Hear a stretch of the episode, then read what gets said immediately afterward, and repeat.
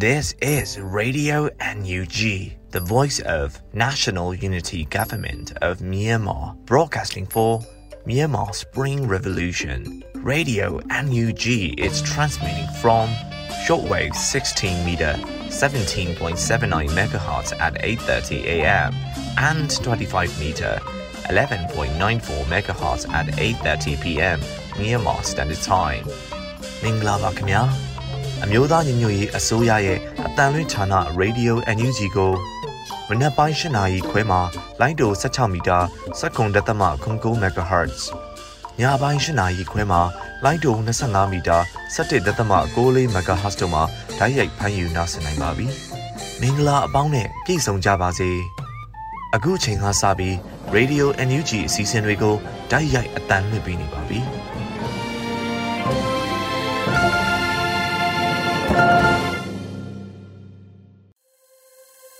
မြန်မာနိုင်ငံသူနိုင်ငံသားအပေါင်းတဘာဝပြီးစစ်အာဏာရှင်ပြည်တို့ကနေကင်းဝေးပြီးဘေးကင်းလုံခြုံကျန်းမာကြပါစေလို့ရေဒီယိုအန်ယူဂျီအဖွဲ့သားများကဆုတောင်းမြတ်တာပို့သလိုက်ရပါတယ်ရှင်။ပထမဆုံးအနေနဲ့ကာကွယ်ရေးဝန်ကြီးဌာနရဲ့စီရေးသတင်းချင်းချုပ်ကိုຫນွေဦးမိုးမှတင်ပြပေးမှာဖြစ်ပါတယ်ရှင်။မင်္ဂလာပါခင်ဗျာ။အမျိုးသားညီညွတ်ရေးအစိုးရကာကွယ်ရေးဝန်ကြီးဌာနမှထုတ်ဝေသော နိုင်စဉ်စီးသတင်းအကျဉ်းချုပ်များကို တင်ပြသွားပါမယ်။ဤသတင်းများကိုမြေပြင်သတင်းတောင်ဝန်ခံတွေနဲ့ခိုင်လုံသောမိဖက်သတင်းရင်းမြစ်တွေမှာဖော်ပြလာသောအချက်အလက်များပေါ်အခြေခံပြုစုထားခြင်းဖြစ်ပါတယ်ခင်ဗျာ။ပထမဆုံးအနေနဲ့စစ်ကောင်စီနဲ့တိုက်ပွဲဖြစ်ပွားမှုများကို တင်ပြသွားပါမယ်။ကချင်ပြည်နယ်တွင်ဇွန်လ29ရက်နေ့နေ့လယ်3:30မိနစ်ခန့်ကမိုးကောင်းမြို့နယ်ထုံးရီပေါက်ရွာအနီးတွင် ပြည်သူစစ်နဲ့ကချင်လွတ်မြောက်ရေးတပ်မတော် KIA ပူးပေါင်းတပ်တို့15မိနစ်ခန့်တိုက်ပွဲဖြစ်ပွားခဲ့ပြီးဟိုပေမြို့အခြေဆိုင်ခမရ9နှစ်တစ်တက်မှလက်နက်ကြီးဖြင့်ပစ်ကူပေးခဲ့ကြောင်းသိရပါတယ်ခင်ဗျာကရင်နီကရားပြည်နယ်တွင်ဇွန်လ29ရက်နေ့မနက်9:00နာရီခန့်ကရှားတောမြို့နယ်စစ်ကောင်စီ၏ပုံချောင်းတပ်စခန်းကို KA နှင့် KNDF တပ်ရင်14တို့ပူးပေါင်းပြီးနှစ်နာရီကြာ စနိုက်ပါဖြင့်ပစ်ခတ်ခဲ့ရာစစ်ကောင်စီတပ်သားတအုပ်တေဆုံးခဲ့ကြောင်းသိရပါတယ်ခင်ဗျာတနင်္သာရီတိုင်းတွင်ဇွန်လ29ရက်နေ့မနက်6နာရီခန့်ကပလောမြို့နယ်နန်းတောင်ကျေးရွာရှိစစ်ကောင်စီတပ်၏စစ်စေးဂိတ်ကို PRDF PPDF နဲ့မဟာမိတ်ပူးပေါင်းအဖွဲ့ကဝင်ရောက်ပစ်ခတ်ခဲ့ရာစစ်ကောင်စီတပ်သား6ဦးသေဆုံးခဲ့ပါတယ်ခင်ဗျာမကွေးတိုင်းတွင်ဇွန်လ28ရက်နေ့ကပေါ့မြို့နယ်တက်ကဲကျင်းကျေးရွာအနီးတွင် စစ်ကောင်စီတပ်သားနဲ့ပြူစောတိအင်အား130ခန့်ပါစစ်ကြောင်းကိုဒေသခံ PDF တပ်ပေါင်းစုအဖွဲ့၄ဖွဲ့ကပူးပေါင်းတိုက်ခတ်ခဲ့ပါတယ်။စစ်ကောင်စီစစ်ကြောင်းပေါ်သို့ drone မှပစ်ချသောဘုံတိတဲ့တဲ့ကြခဲ့ပြီးစစ်ကောင်စီများထိခိုက်ဒဏ်ရာရသူများခဲ့ပါတယ်။ဇွန်လ29ရက်နေ့ညနေ9:00နာရီခန့်ကပေါက်မြို့နယ်နယ်သက်ရွာအနီးယထာတန်လန်းတလျှောက်ခြေလင်စစ်ကြောင်းထိုးလာသောစစ်ကောင်စီအင်အား30ခန့်အားမြိုင်မြို့နယ် ပြည်သူ့ကာကွယ်ရေးတပ်ဖွဲ့ကရှေ့ထွက်ပြောင်းငါးလုံးဖြင့်မိုင်းဆွဲတိုက်ခတ်ရာစစ်ကောင်စီတပ်သား၄ဦးသေဆုံး၍၄ဦးပြင်းထန်စွာဒဏ်ရာရရှိခဲ့ကြောင်းသိရပါတယ်ခင်ဗျာဇွန်လ29ရက်နေ့နေ့လယ်တနာရီ45မိနစ်ခန့်ကစိတ်တုတ်တရာမြို့နယ်ကျောင်းပူရွာနှင့်တက်လေကျေးရွာကြားတွင်စစ်ကြောင်းလှည့်လည်နေသောစစ်ကောင်စီကင်းထောက်အဖွဲ့အားတူမီစစ်တီကွန်မန်ဒိုအနောက်ရိုးမှပျောက်ကြားတပ်ဖွဲ့ SGF က ပျောက်ကြားစနစ်ဖြင့်ခြုံခိုတက်ခတ်ခဲ့ရာစစ်ကောင်စီတပ်သား2ဦးသေဆုံး၍စစ်ကောင်စီဆိုင်ကယ်တစ်စီးပျက်စီးဆုံးရှုံးခဲ့ကြောင်းသိရပါတယ်ခင်ဗျာဆက်လက်ပြီးစစ်ကောင်စီကျူးလွန်သောရာဇဝတ်မှုများကိုတင်ပြသွားပါမယ်ကချင်ပြည်နယ်တွင်ဇွန်လ29ရက်နေ့ညနေ9နာရီခန့်ကရွှေကူမြို့နယ်ရွှေကူမြို့အမှတ်30လမ်းရှမ်းကုန်းတရက်ကွက်အွန်လိုင်းရှော့ရောင်းသူကိုဝန်ဆောင်အမျိုးသမီးတဦးအပါအဝင်၎င်း၏မိသားစုဝင်များကို စစ်ကောင်စီများကလာရောက်ဖမ်းဆီးသွားကြောင်းသိရပါတယ်။ချင်းပြည်နယ်တွင်ဇွန်လ29ရက်နေ့ကတီးတိမ်မြို့နယ်တီးတိမ်မြို့တွင် PDF Zolan အဖွဲ့မှစစ်ကောင်စီလက်အောက်ခံ NaN CDM များကိုစစ်ကောင်စီနှင့်ပူးပေါင်းခြင်းကိုရပ်တန့်ပေးရန်ကြေညာချက်ကိုထပ်ဆင့်ကြေညာပေးသည့် Shalom Youth Committee အဖွဲ့ခေါင်းဆောင်2ဦးကိုစစ်ကောင်စီတပ်ကလာရောက်ဖမ်းဆီးခေါ်ဆောင်သွားကြောင်းသိရပါတယ်ခင်ဗျာစကိုင်းတိုင်းတွင် ဇွန်လ29ရက်နေ့မနက်10:35မိနစ်ခန့်ကရွှေဘိုမြို့နယ်အောင်ချမ်းသာကျေးရွာတစ်လန်းခွဲထိပ်ရွှေဘိုမန္တလေးလမ်းဘေးတွင်နေထိုင်သောပြည်သူ2ဦးကိုကင်းလှည့်စစ်ကောင်စီများကကားမှဆင်း၍တနက်ပစ်ဖောက်ဖမ်းဆီးသွားခဲ့ပါတယ်ခင်ဗျာမကွေးတိုင်းတွင်ဇွန်လ28ရက်နေ့ညနေ6:30မိနစ်ခန့်ကတရက်မြို့နယ်တရက်မြို့မြောင်မင်းတဲရက်ကွက်ရှိတော်လန်ရေးတက်ကြွလှုပ်ရှားသူဒေသခံတအူးဤနေအိမ်ကို စစ်ကောင်စီအကြမ်းဖက်များကချိတ်ပိတ်သွားခဲ့ပါတယ်။ရန်ကုန်တိုင်းတွင်ဇွန်လ28ရက်နေ့နေ့လယ်12:20မိနစ်ခန့်ကမင်္ဂလာတုံမြို့နယ်ထောက်ချက် KFC ရှေ့မှအမျိုးသမီးတအုပ်ကိုစစ်ကောင်စီအဖွဲ့ဝင်များကဖမ်းဆီးသွားခဲ့ပါတယ်ခင်ဗျာ။ဟုတ်ကဲ့ပါအခုတင်ပြခဲ့တာကတော့အမျိုးသားညီညွတ်ရေးအစိုးရကာကွယ်ရေးဝန်ကြီးဌာနမှထုတ်ဝေသော နေ့စဉ်စည်ရေးတဲ့အကျဉ်းချုပ်များပဲဖြစ်ပါတယ်ခင်ဗျာကျွန်တော်ຫນွေဦးမိုးပါ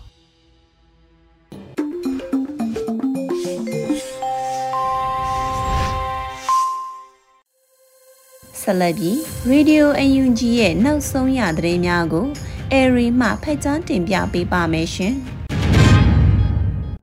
မင်္ဂလာပါရှင်အခုချိန်ကစပြီး Radio NUG မနခင်ပြည်တွင်းသတင်းတွေကိုတင်ပြပေးတော့မှာဖြစ်ပါတယ်ကျွန်မကတော့ Airy ပါရှင်အသွင်ကူးပြောင်းမှုကာလဖွဲ့စည်းပုံပေါ်ပေါက်ရေးအတွက်လည်းစီစဉ်ဆောင်ရွက်နေတယ်လို့ပြည်ထောင်စုဝန်ကြီးချုပ်အသိပေးပြောကြားတဲ့သတင်းကိုပထမအဆုံးအနေနဲ့တင်ဆက်ပေးပါမယ် အသွင်ကူးပြောင်းမှုကာလဖွဲ့စည်းပုံပေါ်ပေါက်ရေးအတွက်လည်းစီစဉ်ဆောင်ရွက်နေတယ်လို့ပြည်ထောင်စုဝန်ကြီးချုပ်မန်ဝင်းခိုင်တန်းကဇွန်လ28ရက်နေ့မှာကျင်းပတဲ့အမျိုးသားညီညွတ်ရေးအစိုးရ59ကြိမ်မြောက်အစိုးရအဖွဲ့အစည်းအဝေးမှာထည့်သွင်းပြောကြားခဲ့ပါတယ်။ဒီတော်လိုင်းရေးမှာကျွန်တော်တို့ဘက်ကအားတာနေတဲ့အခြေအနေကိုသိနေကြပြီမို့တော်လိုင်းရေးအလွန်ကာလတွေအထိကျွန်တော်တို့မဟာမိတ်အင်အားစုတွေဘက်ကနေစွစွစီစီနဲ့ဆောင်ရွက်နေကြတဲ့ရှေ့လုပ်ငန်းစဉ်တွေကိုသိရှိလိုတာဖြစ်ပါတယ်။ ဒါကြောင့်ကျွန်တော်တို့အနေနဲ့ဒါနဲ့ဆက်ဆက်နေတဲ့လုပ်ငန်းစဉ်တစ်ခုဖြစ်တဲ့အသွင်ကူးပြောင်းမှုကာလဖွဲ့စည်းပုံပေါ်ပေါက်ရေးအတွက်လည်းစီစဉ်ဆောင်ရွက်နေတာရှိပါတယ်။ယာယီသမရကြီးရဲ့လမ်းညွှန်ချက်တွေနဲ့အတူလုံခြုံရေးနဲ့ကာကွယ်ရေးကောင်စီမှလည်းပနာမတိုင်ပင်ဆွေးနွေးထားပြီးဖြစ်ပါတယ်လို့ဝန်ကြီးချုပ်ကဆိုပါတယ်။အစည်းအဝေးကိုယာယီသမရဒူဝါလက်ရှိလာပြည်ထောင်စုဝန်ကြီးချုပ်မန်ဝင်းခိုင်တန်းတို့အပါအဝင်ပြည်ထောင်စုဝန်ကြီးတွေနဲ့ဒုတိယဝန်ကြီးတွေတက်ရောက်ခဲ့ကြတယ်လို့သတင်းရရှိပါရရှင်။ ဆက်လက်ပြီးအမေထီးရမုံငွေကနေရရှိလာတဲ့ဗန်နာငွေတွေကိုချင်းနဲ့ကရင်နီဒေသတွေအတွက်လည်းခွဲဝေသုံးစွဲသွားမယ်ဆိုတဲ့သတင်းကိုတင်ပြပေးပါမယ်။အမေထီးရမုံငွေကနေရရှိလာတဲ့ဗန်နာငွေတွေကိုချင်းနဲ့ကရင်နီဒေသတွေအတွက်လည်းခွဲဝေသုံးစွဲသွားမယ်လို့ပြည်ထောင်စုဝန်ကြီးချုပ်ကအစိုးရအဖွဲ့အစည်းအဝေးမှာထပ်မံပြောဆိုလိုက်တာပါ။ဒီတစ်ပတ်မှာဆိုရင်တော့အမေထီရမုံဝေကနေရရှိလာတဲ့ဗန်နာငွေတွေကိုခြားကာလာအုပ်ချုပ်ရေးအကောင့်ထဲပေါ်နေတဲ့သကိုင်းမကွေးဒေတာတွေအတွက်စီမံသုံးစွဲနိုင်ရေးအပြင်ပြည်သူ့အုပ်ချုပ်ရေးတွေအလွန်အားကောင်းနေပြီဖြစ်တဲ့ ချင်းနဲ့ကရင်ဒီဒေသတွေအတွက်လည်းခွဲဝေသုံးစွဲနိုင်ကြဖို့တိုင်ပင်ဆွေးနွေးဖြစ်ခဲ့ကြပါတယ်။တစ်ဆက်တည်းအမေကြီးရမုံတွေစ조사စီမံခဲ့ကြတဲ့အဖွဲ့သားတွေနဲ့ပါဝင်ကူညီပံ့ပိုးကြတဲ့ပြည်သူအလုံးကိုလည်းကျေးဇူးတင်ကြောင်းပြောကြားလိုပါတယ်လို့ပြည်ထောင်စုဝန်ကြီးချုပ်ကပြောပါတယ်။ဒေါအောင်ဆန်းစုကြည်ရဲ့ပသိမ်တီမဲလက်မှတ်ကိုတစောင်းနဲ့ American Dollar 30နဲ့ရောင်းချခဲ့ပြီး American Dollar 8900ဘတ်ဂျက်ကိုများစွာကျော်လွန်ရောင်းချခဲ့ရတယ်လို့လည်းသိရှိရပါတယ်ရှင်။ အခုတခါစိတ်ဖြူမြို့နယ်ပညာရေးဘုတ်အဖွဲ့ကဦးစီးတီထောင်တဲ့စိတ်ဖြူ online school ကျောင်းအပ်နှစ်ရက်9ရက်ထပ်မံတိုးမြင့်တဲ့သတင်းကိုတင်ပြပေးပါမယ်။ စိတ်ဖြူမြို့နယ်ပညာရေးဘုတ်အဖွဲ့ကဦးစီးတည်ထောင်တဲ့စိတ်ဖြူ online school ကျောင်းအပ်ရက်ကိုနောက်ထပ်9ရက်တိုးမြင့်လိုက်တယ်လို့ဇွန်လ28ရက်နေ့မှာစိတ်ဖြူမြို့နယ်ပညာရေးဘုတ်အဖွဲ့က CDM ကျောင်းသားမိဘတွေအတွက်ရည်ရွယ်ပြီးထုတ်ပြန်ခဲ့ပါတယ်။စိတ်ဖြူမြို့နယ်ပညာရေးဘုတ်အဖွဲ့ကဦးစီးတည်ထောင်တဲ့စိတ်ဖြူ online school ရဲ့ဇွန်လအတွင်းကကျောင်းအပ်နိုင်ရေးတရင်ပတ်မှာအကြောင်းအမျိုးမျိုးကြောင့်ကျောင်းမအပ်လိုက်ရတဲ့မိဘပြည်သူတွေအနေနဲ့ဇွန်လ28ရက်နေ့ကနေစပြီးဇူလိုင်လ2ရက်နေ့အထိ9ရက်တာထပ်တိုးကျောင်းအပ်လက်ခံမှာဖြစ်တယ်လို့ဆိုပါတယ်။ ပြီးခဲ့တဲ့သတင်းပတ်မှာမအပ်နှံလာရတဲ့စိတ်ဖြူမြို့နယ်နဲ့တခြားမြို့နယ်တွေကမြည်သည့် CDM ចောင်းသားမဆိုသက်ဆိုင်ရာအတန်းလိုက်ရှောက်လော်ဖောင်တွေကတဆင့်ဝင်ရောက်အနှံနိုင်တယ်လို့စိတ်ဖြူမြို့နယ်ပညာရေးဘုတ်အဖွဲ့ကထုတ်ပြန်ထားပါတယ်ရှင်။ဆက်လက်ပြီးမြောင်ပညာရေးကိုရနဲ့အတူပူးပေါင်းပြီးဖွင့်လှစ်ထားတဲ့ MEDUS Draft ကျောင်းရှိကျောင်းသားကျောင်းသူတွေကိုຫນွေဦးရောင်နေစေးအဖွဲ့တွေကကျမ်းမာရေးနဲ့ပတ်သက်ပြီးလာရောက်စစ်ဆေးရတဲ့ဆိုတဲ့သတင်းကိုတင်ပြပေးပါမယ်။။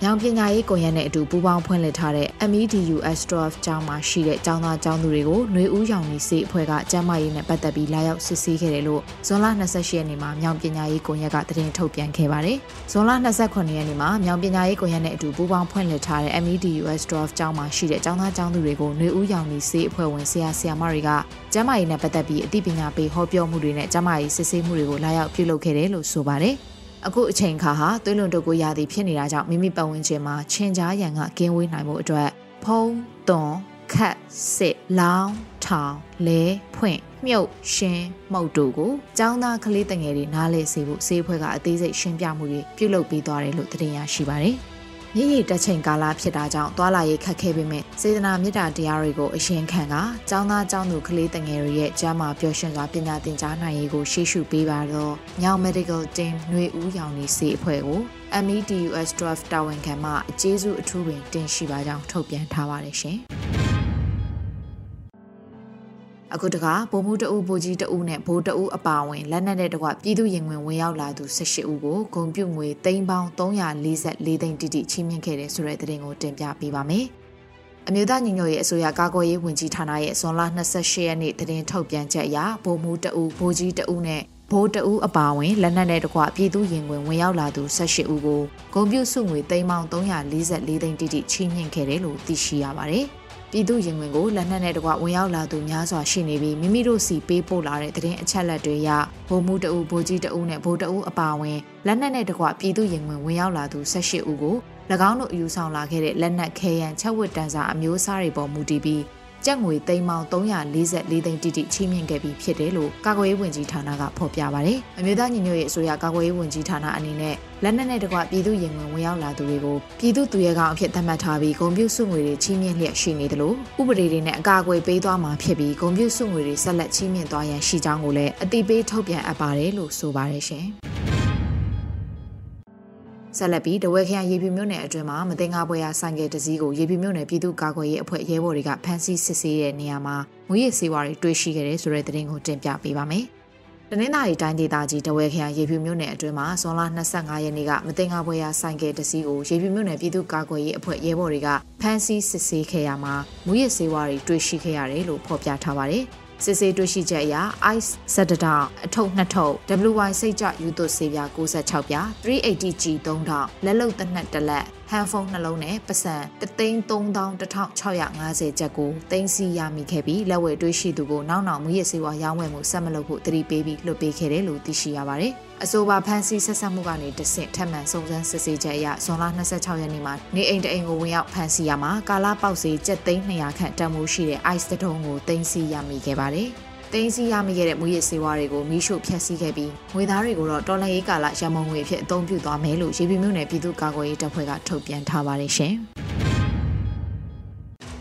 အခုဆက်လက်ပြီးတနင်္သာရီတိုင်းတရချောင်းမြို့နယ်မှာကာကွယ်ရေးတပ်တွေနဲ့စစ်ကောင်စီတပ်တွေထိတွေ့တိုက်ပွဲဖြစ်ပွားခဲ့ပြီးစစ်ကောင်စီတပ်ဖွဲ့ဝင်14ဦးထပ်မံတေဆုံးခဲ့တဲ့တဲ့တင်ကိုတင်ပြပေးပါမယ်။ တနင်္သာရီတိုင်းတရချောင်းမြို့နယ်မှာကာကွယ်ရေးတပ်နဲ့စစ်ကောင်စီတပ်တွေအကြားထိတွေ့တိုက်ပွဲဖြစ်ပွားခဲ့ရမှာစစ်ကောင်စီတပ်သား14ဦးထပ်မံတေဆုံးခဲ့တယ်လို့ဇွန်လ28ရက်နေ့မှာစစ်ရေးသတင်းကိုထောင်းမင်းစစ်စင်ရေးအဖွဲ့ကထုတ်ပြန်ပါတယ်။ဇွန်လ24ရက်တနင်္သာရီတိုင်းဒေသကြီးတရချောင်းမြို့နယ်အတွင်းကကစီရွာကနေကြောက်ဖြူရွာကိုစစ်ကောင်စီတပ်တွေဟာအင်အား90ပါစစ်ကြောင်းနဲ့ထိုးဖောက်ဝင်ရောက်ခဲ့ပါတယ်။အဲဒီနောက်ဒေသခံကာကွယ်ရေးတပ်ဖွဲ့တွေနဲ့ကြောက်ဖြူရွာအနီးမှာအပြန်အလှန်ပစ်ခတ်ခဲ့ကြရမှာစစ်ကောင်စီတပ်ဖွဲ့ဝင်၄ဦးသေ 3ဦးဒဏ်ရာရရှိခဲ့ပြီးကာကွယ်ရေးရဲဘော်တွေဘက်က2ဦးကြာဆုံးက2ဦးဒဏ်ရာရရှိခဲ့တယ်လို့သိရှိရပါတယ်။စစ်ကောင်စီတပ်တွေဟာတိုက်ပွဲဖြစ်ပွားပြီးဇွန်လ26ရက်နေ့မှာကြောက်ဖြူရွာနဲ့လောင်မင်းပရွာတွေကိုတပ်ဖြတ်ပြီးကြောက်ဖြူရွာကနေအိမ်3လုံးစပက်ကြီး3လုံးကိုမိရှို့ပြီးဝက်နှကောင်ကိုပါပစ်ခတ်တပ်ဖြတ်ခဲ့ကြပါတယ်။အဲဒီနောက်စော်ပြားရွာဘက်ကိုဆုတ်ခွာလာခဲ့ပြီးလမ်းကြောင်းတလျှောက်ထောင်မင်းစစ်စင်ရေးအဖွဲ့နဲ့မဟာမိတ်လေးဘွဲကနှစ်ကြိမ်တိုက်ခိုက်ခဲ့ရမှာစစ်ကောင်စီတပ်ဖွဲ့ဝင်10ဦးထပ်မံတေဆုံးခဲ့ပြီး9ဦးဒဏ်ရာရရှိခဲ့တယ်လို့သိရှိရပါတယ်ရှင်။ ဆက်လက်ပြီး6ဦးမြို့မှာတပ်ဆွဲထားတဲ့အကြမ်းဖက်စစ်တပ်ကလက်နက်ကြီးနဲ့ပစ်ခတ်လို့သားမိ2ဦးထိမှန်တေဆုံးခဲ့ရတဲ့တဲ့ရင်ကိုတင်ပြပေးပါအောင်မယ်။ချောင်းဦးမြို့မှာတပ်ဆွဲထားတဲ့အကြမ်းဖက်စစ်တပ်ကမြို့တောင်ဘက်မှာရှိတဲ့ကျောင်းရွာရက်ကွက်နဲ့အနောက်မတ်အုပ်ရက်ကွက်တွေဘက်ကိုလက်နက်ကြီးနဲ့ပစ်ခတ်လို့သားမိ2ဦးထိမှန်တေဆုံးခဲ့တယ်လို့ဇွန်လ28ရက်နေ့မှာနိုင်ငံရေးအကျဉ်းသားများကူညီဆောင်ရှောက်ရေးအသင်း AAPP ရဲ့တည်ထုတ်ပြန်ချက်အရသိရှိရပါတယ်။ ဇွန်လ23ရက်နေ့ည9:00နာရီအချိန်လောက်မှာစကိုင်းတိုင်းဒေသကြီး6အုံမြို့မှာတပ်ဆွဲထားတဲ့အကြမ်းဖက်စစ်တပ်ရဲ့တပ်ကမြို့တောင်ဘက်မှာရှိတဲ့ကျောင်းရွာရက်ကွက်နဲ့အနောက်မအုပ်ရက်ကွက်တီဘက်ကိုလက်နက်ကြီးတွေနဲ့ပစ်ခတ်ခဲ့ပြီးအဆိုပါလက်နက်ကြီးကြီးဟာနေအိမ်တစ်လုံးပေါ်ကိုကြားရောက်ပောက်ကွဲခဲ့လို့ တားမိနှစ်ဦးနေရာမှာပဲပွဲချင်းပြီးတေဆုံသွားခဲ့ပါတယ်။တေဆုံသွားခဲ့တဲ့တားမိနှစ်ဦးကတော့ချောင်းဦးမြို့ကျောင်းရွာရက်ကွက်ကဒေါ်ပေါက်နဲ့တမီးဖြစ်သူမဝါမိုးတို့ဖြစ်တယ်လို့သိရှိရပါတယ်။နှွေဦးတော်လှန်ရေးကာလအတွင်းမှာကြာဆုံးခဲ့ရသူပြည်သူစုစုပေါင်းကတော့2038ဦးထိရှိလာခဲ့ပြီလေဖြစ်ပါတယ်ရှင်။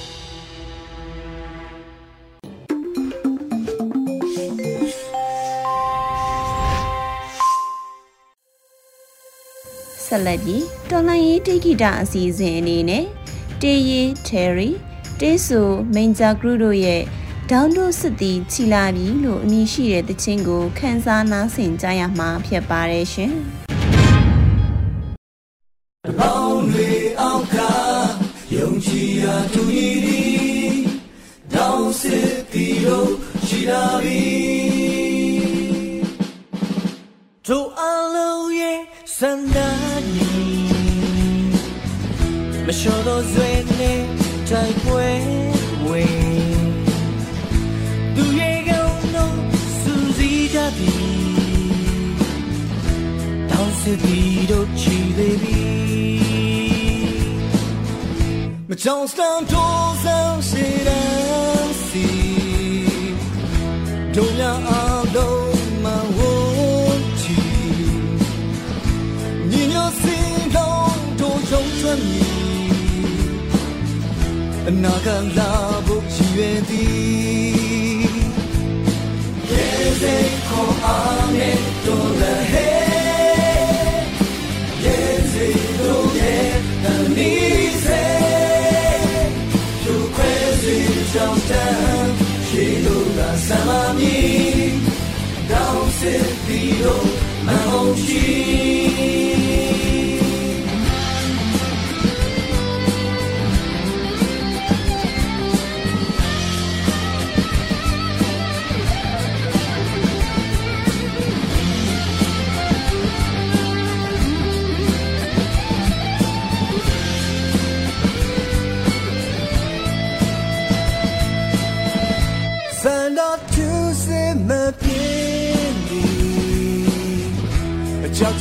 ကြတဲ့ကတို့ရုံထွက်နေနောက်မျိုးစားတီစိတ်ထားနေနိုင်ငံတော်တည်တည်တောင်းမီဘလူတွေခွဲခွဲလက်တွေနေရောင်သူမကွဲပဲလေတွေစီနေ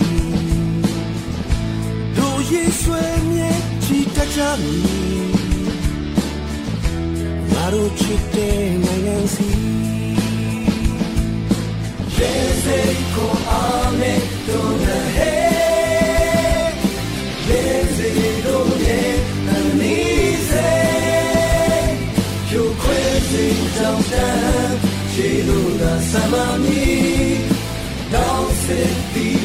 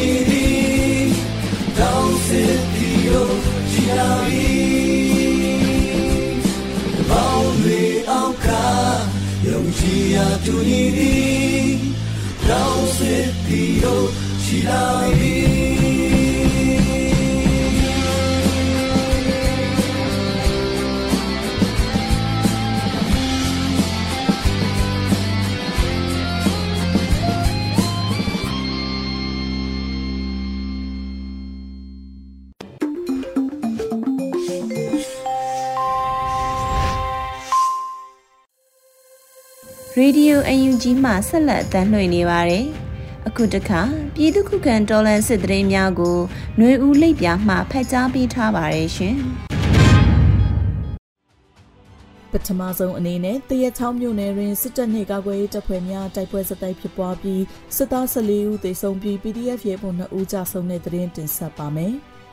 တနင်္လာရီတိုင်းတရချောင်းမြို့နယ်တွင်အကြမ်းဖက်စစ်တပ်နှင့်ဒေသခံကာကွယ်ရေးတပ်ဖွဲ့များဇွန်လ24ရက်နှင့်26ရက်နေ့တို့တွင်တိုက်ပွဲများဆက်တိုက်ဖြစ်ပွားခဲ့ပြီးစစ်သား14ဦးသေဆုံးခဲ့ကြောင်းဒေါင်းမင်းစစ်စင်ရေးအဖွဲ့ထံမှသိရှိရပါသည်။ဇွန်လ24ရက်နေ့တွင်ကစီရွာမှကြောက်ဖြူရွာကိုစစ်သားအင်အား90ကျော်ဖြင့်စစ်ကြောင်းထိုးလာစဉ် ကြောက်ဖြူရွာအနီး၌ဒေသခံကာကွယ်ရေးတပ်ဖွဲ့များကနနက်7:15မိနစ်တွင်ပြစ်ခတ်တိုက်ခိုက်ခဲ့ပြီးစစ်သား၄ဦးသေဆုံးက3ဦးထိခိုက်ဒဏ်ရာရရှိခဲ့ကြောင်းသိရှိရတာပါ။အဆိုပါထိတွေ့တိုက်ပွဲအတွင်းပြည်သူ့ကာကွယ်ရေးတပ်ဖွဲ့ဘက်မှရရဲဘော်2ဦးကြာဆုံးခဲ့ပြီးတဦးထိခိုက်ဒဏ်ရာရရှိခဲ့ခြင်းဖြစ်ကြောင်းသတင်းရရှိပါရယ်။ ဇွန်လ26ရက်နေ့နနက်ပိုင်းတွင်အကြံဖက်စစ်တပ်ကကြောက်ဖြူရွာရှိပြည်သူပိုင်နေအိမ်၃လုံးနှင့်စပက်ကြီး၃လုံးကိုမိရှုဖျက်ဆီးခဲ့ပြီးစော်ဖျားရွာသို့ပြန်လည်ဆုတ်ခွာခဲ့ကြောင်းသိရှိရပါသည်။အကြံဖက်စစ်တပ်စစ်ကြောင်းစော်ဖျားရွာသို့ပြန်လည်ဆုတ်ခွာလာစဉ်လက်ခီတလျှောက်ဒေသခံကာကွယ်ရေးတပ်ဖွဲ့များကကတိဝရွာနှင့်စော်ဖျားရွာကြားနှင့်မိုးရွှေကုန်းရွာနာတို့တွင် ထပ်မံပစ်ခတ်တိုက်ခိုက်ခဲ့ပြီးစစ်သားဆေးဦးထပ်မံသေဆုံးပြီးခုနှစ်ဦးထိခိုက်ဒဏ်ရာရရှိခဲ့ကြောင်းသတင်းရရှိပါရရှင်။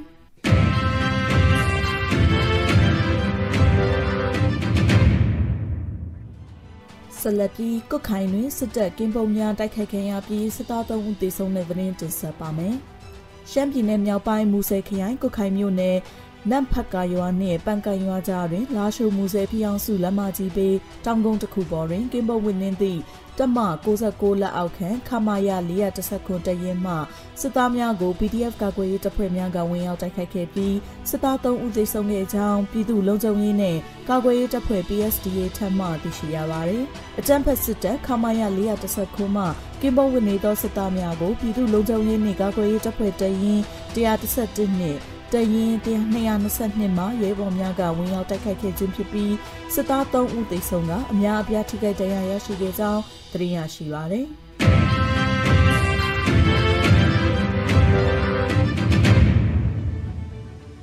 မြေမူတွင်စစ်ရင်နှမ်းမိုင်းဆွဲခံရပြီးအရာရှိတအုပ်နှင့်တပ်ဖွဲ့ဝင်9ဦးသေဆုံးတဲ့သတင်းဆက်လက်တင်ဆက်ပါမယ်။ စကိုင်းတိုင်းမြင်းမူမြို့မှထွက်လာသောစစ်တပ်အရာရှိပါဝင်သည့်စစ်ကားရင်တန်းကိုယနေ့ဇွန်လ29ရက်နေ့နနက်9:30မိနစ်တွင်ဘိုးမင်းကြီးကင်းရွာနှင့်ဂွေးပင်ကျော်ရွာအကြားတွင်ဒေသခံကာကွယ်ရေးတပ်ဖွဲ့များကမိုင်းဆွဲတိုက်ခိုက်ခဲ့ပြီးစစ်တပ်ရရှိတအုပ်နှင့်တပ်ဖွဲ့ဝင်3ဦးသေဆုံးခဲ့ကြောင်းမြောင် People's Defense Force TGR တပ်ဖွဲ့ထပ်မံသိရှိရပါသည်။မန္တလေးမုံရွာလမ်းပိုင်းတွင်မုံရွာသို့မောင်းနှင်လာသည့်စစ်ကားပွိုင်ကား3စီးနှင့် Prado တစည်းကို ဒေသခံကာကွယ်ရေးတပ်ဖွဲ့များကငါးရှင်ရွာနှင့်ချောင်းဦးကြားတွင်ယနေ့ဇွန်လ29ရက်နေ့နနက်10:00နာရီခန့်တွင်ဖောက်ခွဲတိုက်ခိုက်ခဲ့ပြီးစစ်သား2ဦးသေဆုံးခဲ့ကြောင်းမြောင် People's Defense Force TGR တပ်ဖွဲ့ထပ်မံသိရှိရတာပါအဆိုပါရင်နှန်းကိုမြောင် People's Defense Force TGR တပ်ဖွဲ့နှင့်ချောင်းဦး Local Defense Force CHU LDF တို့ကပူးပေါင်းတိုက်ခိုက်ခဲ့ခြင်းဖြစ်ပြီးစစ်သား2ဦးသေဆုံးပြီး3ဦးထိခိုက်ဒဏ်ရာရရှိခဲ့ကြောင်း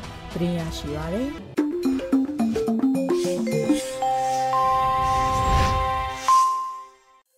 တယ်။ Radio UNG သောတာရှင်များရှင် PVTV ရဲ့နေ့စဉ်သတင်းများကိုတော့ထထအင်ဒရာအောင်မှဖက်ကြားတင်ပြပေးထားပါတယ်ရှင်။ပထမဆုံးတင်ဆက်ပေးမှာကတော့ပြည်ထောင်စုလွှတ်တော်ကိုစားပြုကော်မတီကိုအကူအညီပေးရေးအစီအစဉ်အတွက်နိုင်ငံတကာပါလီမန်များအဖွဲ့ချုပ် IPU နဲ့တွေ့ဆုံဆွေးနွေးခဲ့ကြတဲ့ဆိုတဲ့သတင်းမှာပြည်ထောင်စုလွှတ်တော်ကိုစားပြုကော်မတီကိုအကူအညီပေးရေးအစီအစဉ်တွေအတွက်နိုင်ငံတကာပါလီမန်များအဖွဲ့ချုပ် IPU နဲ့တွေ့ဆုံဆွေးနွေးမှုကိုဇွန်လ29ရက်ည6နာရီခွဲအချိန်မှာဗီဒီယိုကွန်ဖရင့်နဲ့တဆင့်ပြုလုပ်ခဲ့တယ်လို့ CRPH ကဒီကနေ့သတင်းထုတ်ပြန်လိုက်ပါတယ်။ ထုတ်ပြန်ချက်ထဲမှာနိုင်ငံတကာပါလီမန်များအဖွဲ့ IPU ကပံ့ပိုးမဲ့အကူအညီပေးစီမံကိန်းအရပြည်ထောင်စုလွှတ်တော်ကိုစားပြုကော်မတီရဲ့လုပ်ငန်းတွေပုံမှုအောင်မြင်စေရန်ကော်မတီတွေရဲ့လုပ်ငန်းများဖွံ့ဖြိုးတိုးတက်စေရန်ပြင်ပဆက်ဆံရေးနဲ့နိုင်ငံတကာပါလီမန်တွေအဖွဲ့အစည်းတွေနဲ့ချိတ်ဆက်ဆောင်ရွက်မှုအားကောင်းလာစေရေးဤပညာနဲ့စိုက်ဘာလုံခြုံရေးအဆင့်မြင့်တင်ရေးတို့အပေါ်ဆွေးနွေးခဲ့ကြတာပါ။ မြန်မာလွှတ်တော်ဖွံ့ဖြိုးရေးစီမံကိန်းအရ CRPH အဖွဲ့ဝင်တွေရေးရာကော်မတီတွေကော်မတီရုံးအဖွဲ့တို့အတွက်ဆက်သွယ်ဆက်ဆံရေးနဲ့ဤပညာစွမ်းရည်တို့တိုးတက်လာစေရတဲ့သတင်းအချက်အလက်တွေမျှဝေတာနဲ့သင်တန်းပေးတာတွေကိုဆောင်ရွက်သွားမှာဖြစ်ပါတယ်။အစည်းအဝေးကိုပြည်အောင်စုလွှတ်တော်ကိုစားပြုကော်မတီဥက္ကဋ္ဌဦးအောင်ကြည်ညွန့်အတွေ့အမှုမိုင်းလာမေထွန်အဖွဲ့ဝင်များဖြစ်ကြတဲ့ဦးဝင်းနိုင်ဦးနေမျိုးဦးမျိုးနိုင်ဦးလမနော်အောင်ဦးရောဘတ်ညီရဲ့ဦးအုတ်ကာမင်းတည်င်းနဲ့ပြန်ကြားရေးကော်မတီဥက္ကဋ္ဌဒေါက်တာဝေဖြူအောင် အတွင်းရေးမှူးဦးစီတူမောင်နဲ့အဖွဲ့ဝင်တွေနိုင်ငံတကာဆက်ဆံရေးကော်မတီဥက္ကဋ္ဌဒေါ်မြတ်တီတာထွန်းအတွင်းရေးမှူးဦးတင်ကိုကိုဦးနဲ့ကော်မတီဝင်တွေတက်ရောက်ခဲ့ပြီးတော့နိုင်ငံတကာပါလီမန်များအဖွဲ့ IPU က Technical Cooperation Program ရဲ့ Manager Miss Nora Babbe ကျွမ်းကျင်သူ Mr. Ellerat Mr. Evanip Bihar တို့မြန်မာလွှတ်တော်ဖွံ့ဖြိုးရေးအဖက်ဖက်တွေနဲ့ကျွမ်းကျင်သူတွေတက်ရောက်ခဲ့ကြတယ်လို့သတင်းထုတ်ပြန်ချက်မှာဖော်ပြထားပါတယ်။ ဆက်လက်တင်ဆက်ပေးမှာကတော့အမျိုးသားညီညွတ်ရေးအစိုးရကလှုပ်ဆောင်နေတဲ့ NUG Pay ကို NUG Pay website အင်တာနက်စာမျက်နှာတရားဝင်ထုတ်လွှင့်မိတ်ဆက်လိုက်တဲ့ဆိုတဲ့သတင်းမှာအမျိုးသားညီညွတ်ရေးအစိုးရကဖော်ဆောင်နေတဲ့ Digital မြန်မာကျပ်အတွက် NUG Pay ကနေပြီးတော့အင်တာနက်စာမျက်နှာကိုတရားဝင်ထုတ်လွှင့်လိုက်ပါပြီ။ NUG Pay website မှာအမင်းများတဲ့မေးခွန်းနဲ့အဖြေတွေတည်တဲ့သတင်းအချက်အလက်တွေအပြင် NUG Pay hotline ကိုထည့်သွင်းထားပြီးတော့အင်္ဂလိပ်မြန်မာနှစ်ဘာသာနဲ့ဖတ်ရှုလေ့လာနိုင်မှာဖြစ်ပါတယ်။ အသုံးပြုတဲ့သူတွေအနေနဲ့ NUG Pay application ကိုအသုံးပြုရမှာအခက်အခဲတွေရှိရင်လည်းအဲ့ဒီ website ရဲ့ hotline ကနေတဆင့်ဆက်သွယ်မေးမြန်းနိုင်မှာဖြစ်တယ်လို့ NUG Pay customer support team ကလည်းပြန်လည်ဖြေကြားမှုတွေပြုလုပ်သွားမှာဖြစ်ပါတယ်။ NUG Pay ကတော့မေးမြန်းသူတွေများပြားတဲ့အခြေအနေတချို့မှာ customer support ကအကြောင်းပြန်မှုနောက်ကျတဲ့အခါမျိုးတွေမှာနားလည်ပေးနိုင်မှုအတွက်လည်းမြစ်တာရက်ခံထားတာကိုတွေ့ရပါတယ်။ NUG Pay website ကို NUG Pay Facebook စာမျက်နှာမှာဝင်ရောက်ကြည့်ရှုနိုင်ပါတယ်။ အခုတင်ဆက်ပေးမှာကတော့ပအိုးတော်လိုင်းရေးအင်အားစုတွေကိုထောက်ပံ့နိုင်မှုအတွက် EOD ရှယ်ယာနဲ့ငွေတိုက်စာချုပ်တွေရောင်းချမယ်ဆိုတဲ့သတင်းမှာ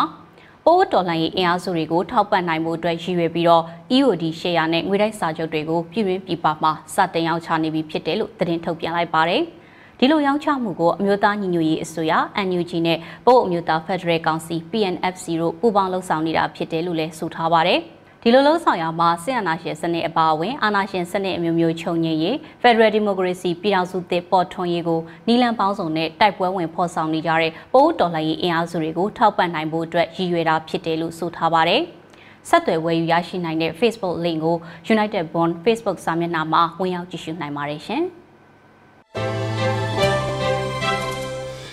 ဆက်လက်တင်ဆက်ပေးမှာကတော့နွေဦးတော်လှန်ရေးကာလအတွင်းကြာဆုံးခဲ့ရသူပေါင်း2032ဦးထိရှိနေခဲ့ပြီလို့နိုင်ငံရေးအကျဉ်းသားများကုညီဆောက်ရှောက်ရေးအသင်း AAPP ကထုတ်ပြန်လိုက်တဲ့သတင်းပါအကြမ်းဖက်စစ်တပ်ကအာဏာသိမ်းပြီးတဲ့နောက်အရသားပြည်သူတွေကိုတပ်ဖြတ်လျက်ရှိရမှာဇွန်လ28ရက်နေ့ထိစီးရင်နေရကြာဆုံးခဲ့ရသူပေါင်း2032ဦးထိရှိလာပြီဖြစ်တယ်လို့နိုင်ငံရေးကျင်းသားများကုညီဆောက်ရှောက်ရေးအသင်း AAPP ကထုတ်ပြန်လိုက်ပါတယ်။အခုနောက်ဆုံးထုတ်ပြန်လိုက်တဲ့စီးရင်မှာတနင်္သာရီတိုင်းလောင်လုံးမြို့နယ် မကွေးတိုင်းစိတ်ဖြူမြို့နယ်ရေစကြိုမြို့နယ်နဲ့ပေါက်မြို့နယ်စကိုင်းတိုင်းခင်ဦးမြို့နယ်မွန်ပြည်နယ်ဘီလင်းမြို့နယ်နဲ့တထုံမြို့နယ်တို့မှာကြာဆုံးခဲ့ရတဲ့အပြစ်မဲ့ပြည်သူ17ဦးရဲ့အချက်အလက်တွေကိုထည့်သွင်းထားတာဖြစ်ပြီးတော့လက်ရှိထုတ်ပြန်ထားတဲ့အရေးအတွက်က AAPP ကကောက်ရရှိထားတဲ့အရေးအတွက်ဖြစ်ပြီးအမှန်တကယ်ကြာဆုံးသွားသူတွေကလက်ရှိအရေးအတွက်ထပ်ပို့နိုင်တယ်ဆိုပြီးတော့လည်းဖော်ပြထားပါတယ်။ နိုင်ငံရေးကျင်းသားများကိုညီစောက်ရှောက်ရေးအသင်းရဲ့မှတ်တမ်းပြုချက်တွေအရ2021ခုနှစ်ဖေဖော်ဝါရီလ1ရက်နေ့ကနေ2022ခုနှစ်ဇွန်လ28ရက်နေ့ထိဖမ်းဆီးချုံနှောင်ခြင်းခံထားသူစုစုပေါင်း11242ဦးရှိပြီးတော့သူတို့ထဲက1204ဦးဟာထောင်ဒဏ်ချမှတ်ခြင်းခံထားရတာလေးဖြစ်ပါတယ်။ပြည်ထောင်ကြားခံရသူတွေတဲကမှအသက်16နှစ်အောက်ကလေး2ဦးအပါအဝင်84ဦးကတည်တံ့ချမှတ်ခြင်းခံထားရတာပါ။ ဒါအပြင်ဖမ်းဝရမ်းထုတ်ခြင်းခံထားတာကြောင့်တိန်းရှောင်နေရသူ1989ရဲ့အမည်စင်းကိုလည်းတိကျဖော်ပြထားပြီးတော့သူတို့တွေကမျက်ကွယ်တည်တံချမှတ်ခြင်းခံထားသူ42ဦးအပါအဝင်120ဦးဟာမျက်ကွယ်ပြည်တံချမှတ်ခြင်းခံထားရတယ်လို့ဆိုပါတယ်။တည်တံချမှတ်ခြင်းခံထားသူစုစုပေါင်း115ဦးထိရှိထားတယ်လို့လည်းထုတ်ပြန်ချက်မှာဖော်ပြထားပါတယ်။ လွတ်မြောက်လာသူဥယေအတီးကြနဲ့အမည်စိန်ဟာချက်ချင်းရရှိဖို့လက်လက်မမီနိုင်တဲ့အတွက်အတီးပြုဖို့လိုအပ်နေစေဖြစ်ပြီးတော့အတီးပြုနိုင်တဲ့အမည်စင်းတွေကိုဆက်လက်ပြီးတော့ဖော်ပြပေးသွားမယ်လို့ဆိုထားပါတယ်။အရက်ဖက်အဖွဲ့အစည်းတွေရဲ့ခေါင်းဆောင်တွေအရက်သားတွေတက်ကြွလှုပ်ရှားသူတွေတည်င်းသမားတွေစီဒီယန်လှုပ်ရှားနေတဲ့ဝန်ထမ်းတွေအစရှိတဲ့နယ်ပယ်အသီးကဘသူမဆိုထိမ့်သိမ်းတရားစွဲဆိုခြင်းခံထားတာတွေနဲ့ຫນွေဥတော်လှန်ရေးကာလအတွင်းမှာကြာဆုံးသွားသူတွေရဲ့အချက်လက်တွေကိုသိရှိပါက နိုင်ငံရေးကျင်းသားများကူညီဆောက်ရှောက်ရေးအသင်း AAPP ကိုဆက်သွယ်ဖို့လည်းဖော်ပြထားပါတယ်။ကြာဆုံးအချက်လက်တွေတက်ဆိုရင် fatality.data@aappb.org email သို့၎င်းအဖမ်းဆီးအချက်လက်တွေအတွက်ဆိုရင် detention.data@aappb.org email သို့၎င်းဓာတ်ရိုက်ပေးဖို့ဆက်သွယ်အကြောင်းကြားနိုင်တယ်လို့ဖော်ပြထားပါတယ်။ဒါ့အပြင်နိုင်ငံရေးအကျဉ်းသားများကုညီဆောက်ရှောက်ရေးအသင်း AAPP ကလက်လန်းမိသမျှမှတ်တမ်းပြုစုထားချက်တွေအရ အာဏာသိမ်းရင်ကစပြီးတော့2022ခုနှစ်ဧပြီလကုန်အထိအကြမ်းဖက်စေအုပ်စုရဲ့မတရားချိတ်ပိတ်သိမ်းဆည်းခြင်းခံထားရတဲ့နေအိမ်အဆောက်အဦအရေးအတွက်စုစုပေါင်း618ခုထပ်မင်းရှိခဲ့တယ်လို့ဖော်ပြထားပါတယ်။ဒီကနေ့ကတော့ဒီညနေပဲ Radio NUG ရဲ့အစည်းအဝေးကိုခਿੱတရရလိုက်ပါမယ်။မြန်မာစံတော်ချိန်မနက်၈နာရီခွဲနဲ့ည၈နာရီခွဲအချိန်တွေမှာ ပြန်လည်ဆုံးဖြတ်ကြပါစို့။ Radio NUG ကိုမနက်ပိုင်း၈နာရီခွဲမှာလိုင်းဒို16မီတာစက္ကွန်တသမ9 MHz ညပိုင်း၈နာရီခွဲမှာလိုင်းဒို25မီတာ17တသမ6 MHz တို့မှာဓာတ်ရိုက်ဖမ်းယူနားဆင်နိုင်ပါပြီ။မြန်မာနိုင်ငံသူနိုင်ငံသားများကိုစိတ်နှပြကျန်းမာချမ်းသာလို့ဘေးကင်းလုံခြုံကြပါစေလို့ Radio NUG အဖွဲ့သူအဖွဲ့သားများကဆုတောင်းလိုက်ရပါတယ်။အမျိုးသားညီညွတ်ရေးအစိုးရရဲ့စက်သွေးရေးသတင်းအချက်အလက်နဲ့ဤပညာဝန်ကြီးဌာနကထုတ်လွှင့်နေတဲ့ Radio NUG ဖြစ်ပါတယ်။ San Francisco Bay Area အခြေစိုက်မြန်မာမိသားစုများနဲ့နိုင်ငံတကာကစေတနာရှင်များလှုပ်အားပေးများရဲ့ Radio NUG ဖြစ်ပါတယ်။အရေးတော်ပုံအောင်ရမည်